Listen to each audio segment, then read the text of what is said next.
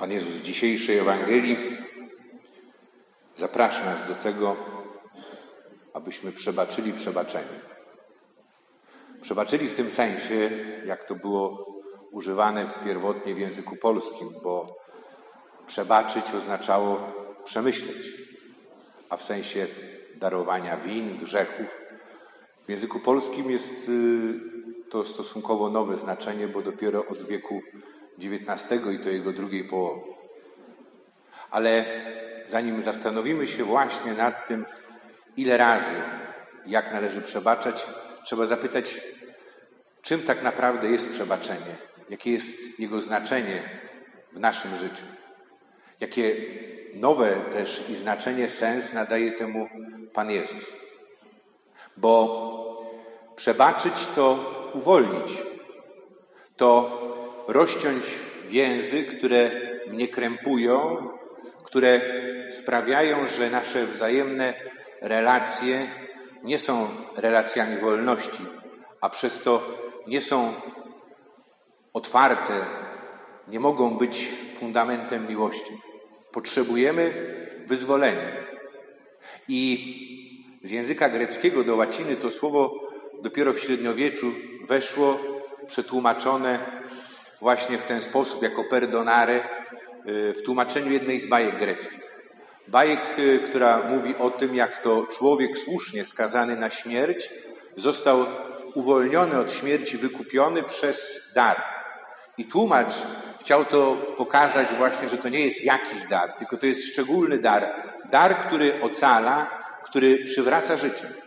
I tym dokładnie jest przebaczenie. Przebaczenie jest darem życia, które zostało stracone na skutek naszej winy, naszego grzechu, naszej słabości. I przebaczenie to jest niejednorazowy akt, ale coś, co powinno stanowić istotną część naszych wzajemnych relacji, bo przebaczenie należy do istoty miłości. Miłość jest wieczna i nigdy nie ustaje, jak pisze o niej święty Paweł, tylko dlatego, że jednym z jej istotnych elementów jest właśnie przebaczenie. Przebaczenie, które daje możliwość nieustannej odnowy i wzrostu miłości.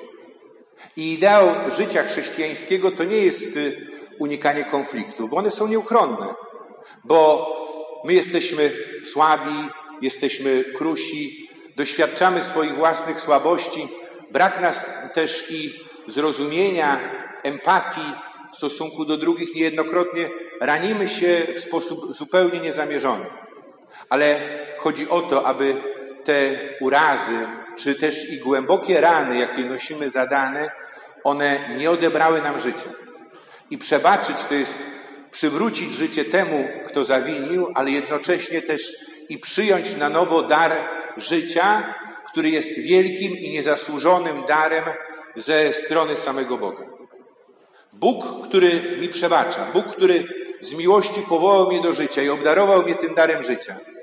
Życia nie w sensie tylko fizycznym, biologicznym, ale życia wiecznego, takiego życia, które nie kończy się wraz ze śmiercią, ale przez śmierć zmierza ku swojej pełni w pełnym zjednoczeniu miłości z Bogiem i z braćmi. I każdy z nas bez wyjątku jest wielkim dłużnikiem w stosunku do Pana Boga. Ale ma też i dłużników w osobie swoich braci i sam jest dłużnikiem swoich braci. Pięknie o tym pisał w 83 mowie święty Augustyn. I trzeba zobaczyć to moje zadłużenie u Boga i niemożliwość tego, abym je spłacił, abym wynagrodził moje winy, mojej niewierności, mój brak miłości i pełnej odpowiedzi na miłość ze strony Boga w jakikolwiek sposób. To jest wielki i niezasłużony dar dla mnie ze strony samego Boga, dar miłości. Dar, który ucieleśnił się w osobie Jezusa Chrystusa, tego, który stał się jednym z nas z miłości do nas i złożył za nas po to, abyśmy mogli żyć, y, aby przywrócić nam utracone życie na krzyżu w ofierze miłości. Oddał swoje życie za nas po to, abyśmy my mogli żyć. I dobrze też jest y, i pamiętać o tym, że dokładnie dzisiaj mija 85 lat od y, momentu, kiedy w nocy z 13 na 14 września 1935 roku w Wilnie Pan Jezus podyktował świętej siostrze Faustynie koronkę do Bożego Miłosierdzia. Koronkę, która jest modlitwą, która wyraża dokładnie to przesłanie miłosierdzia, y, przebaczenia ze strony Pana Boga, ale jednocześnie jest też i wielkim wezwaniem dla nas do przemiany naszego serca, po to, abyśmy my mogli z serca przebaczać naszym braciom. I przebaczać nie stawiając jakichkolwiek ograniczeń. Nie mówiąc siedem, jak pyta się Piotr, który i tak idzie dużo do przodu w stosunku do tego, czego uczyli nauczyciele prawa żydowscy, którzy mówili, że przebaczenie cztery razy. To jest ta granica. Piotr chce ją powiększyć. Siedem to jest y, liczba, która wyraża pełnię. A Pan Jezus mu na to mówi nie siedem, ale siedemdziesiąt razy siedem. Siedemdziesiąt siedem razy, czyli nieskończenie. Tak jak niektórzy mają w pamięci to fortunne czy niefortunne określenie y, znane ze świata polityki, oczywista oczywistość, to Pan Jezus mówi o nieskończonej nieskończoności. To jest niestawianie absolutnie żadnych granic przebaczeniu. Nieokreślanie jakichkolwiek warunków. Tak naprawdę nie ma znaczenia dla mojej postawy to, czy druga osoba poprosi, czy nie poprosi o przebaczenie, czy uznaje, czy nie uznaje swoją winę, czy je przyjmie, czy nie przyjmie.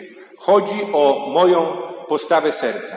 Postawę serca, która wypływa z doświadczenia miłości Boga do mnie, uznania wielkości mojego obdarowania. I o tym mówi Pan Jezus w przypowieści.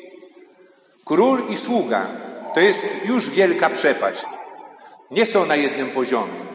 Tak jak i Bóg, Bóg jest wszechmocny, Bóg jest Stwórcą, Bóg jest odkupicielem, a ja jestem takim pyłkiem na wietrze. Jestem jednym z Jego stworzeń, ale stworzeniem, które On obdarzył miłością i któremu daje życie i pragnie, aby to życie trwało wiecznie. Stworzeniem, które On zaprasza do jedności ze sobą. I wielkość mojego długu, 10 tysięcy talentów. Talent to była największa jednostka płatnicza w starożytności.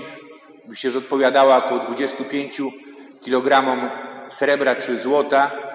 Można sobie wyobrazić, jak wielka to jest suma, ale trzeba wziąć pod uwagę jeszcze i to, że 10 tysięcy to jest największa liczba, jaką znali starożytni Grecy. Czyli ta wina moja i jednocześnie dług w stosunku do Pana Boga jest nieskończony. Nie ma absolutnie żadnej możliwości, abym był w stanie go spłacić. Ale Bóg okazuje właśnie swoje miłosierdzie, wielkość swojej miłości, darowując ten dług. Ale aby to darowanie przyjąć, musi dojść do przemiany mojego serca. I owocem i potwierdzeniem tego jest moja relacja w stosunku do innych. Tylko w ten sposób da się e, wytłumaczyć i staje się możliwe przebaczenie. Przebaczenie rzeczy zdawałoby się drobnych, ale z których składa się nasza codzienność, jak i wielkich e, krzywd, wielkich ran, jakie wielu z nas e, w sobie też nosi. I to, co powiedziałem, nie chodzi o to, żeby nie było konfliktu, bo nie ma takiej możliwości. Bo konflikty są naszym chlebem codziennym.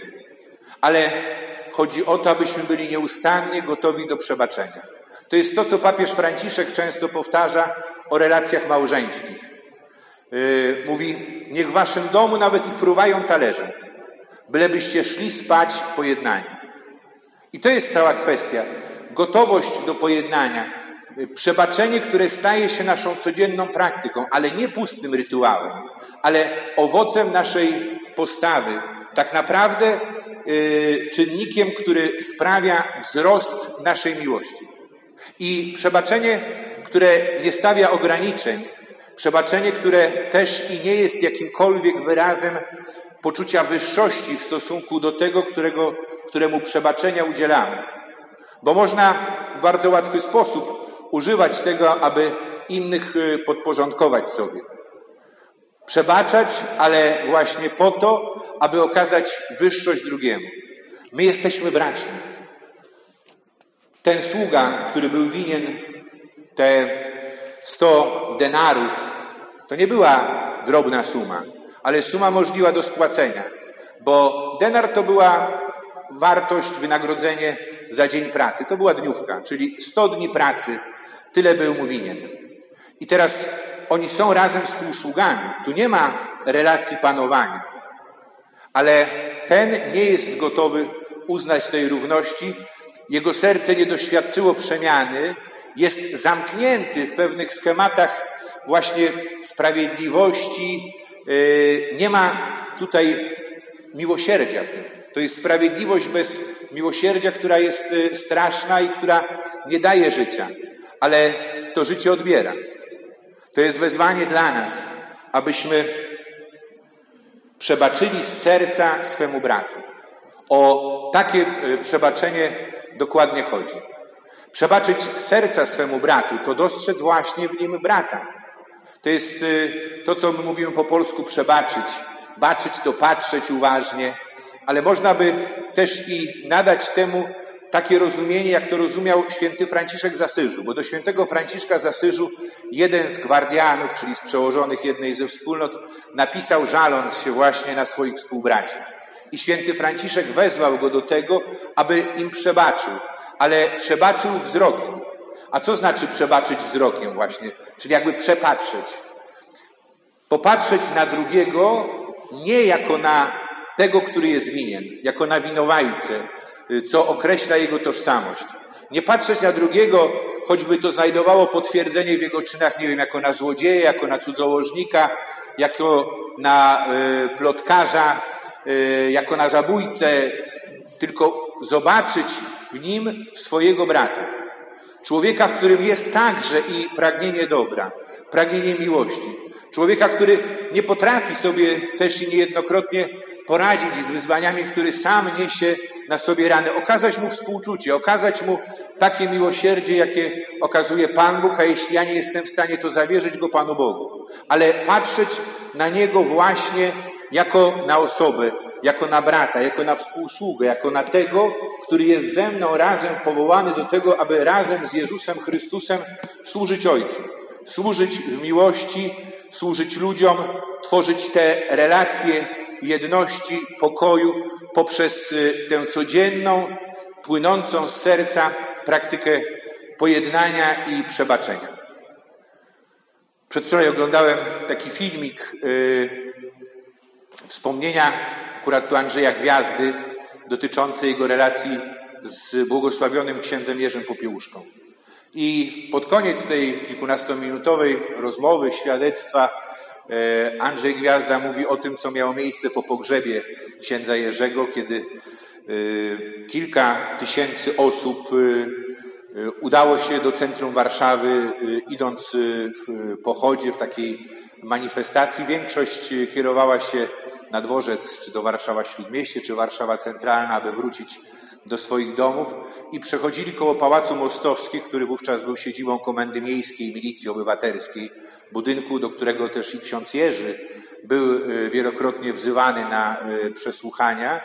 E, budynek, który był otoczony kordonem ZOMO i ludzie przechodzący tam właśnie skandowali wybaczamy.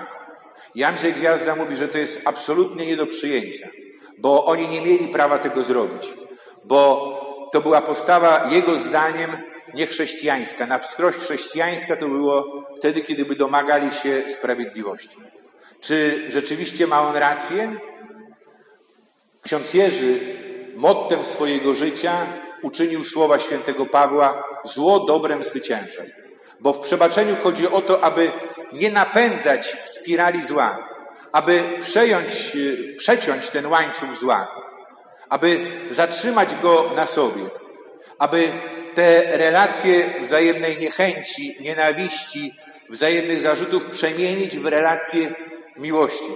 I on za to oddał swoje życie, a wcześniej tego nauczał e, w swoich kazaniach, w comiesięcznych mszach za ojczyznę, wzywając właśnie do przebaczenia, do pojednania, ale jednocześnie do troski, do szacunku, zwłaszcza o tych, którzy cierpią wołał o prawdę, o miłość w relacjach e, społecznych.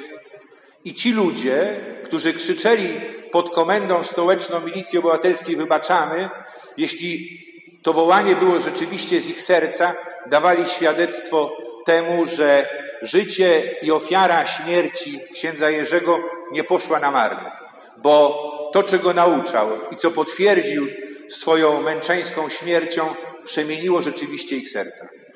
Prośmy w tej Eucharystii o to Pana, aby dotknął naszych serc, abyśmy byli gotowi wznieść się ponad to, co nas dzieli, abyśmy byli gotowi odrzucić wzajemne urazy, abyśmy z serca przebaczyli naszemu bratu, po to, aby w pełni przyjąć i żyć tym darem życia i miłości, którym nieustannie, w sposób absolutnie niezrozumiały dla ludzkiej logiki i nieskończony obdarowuje nas Pan Bóg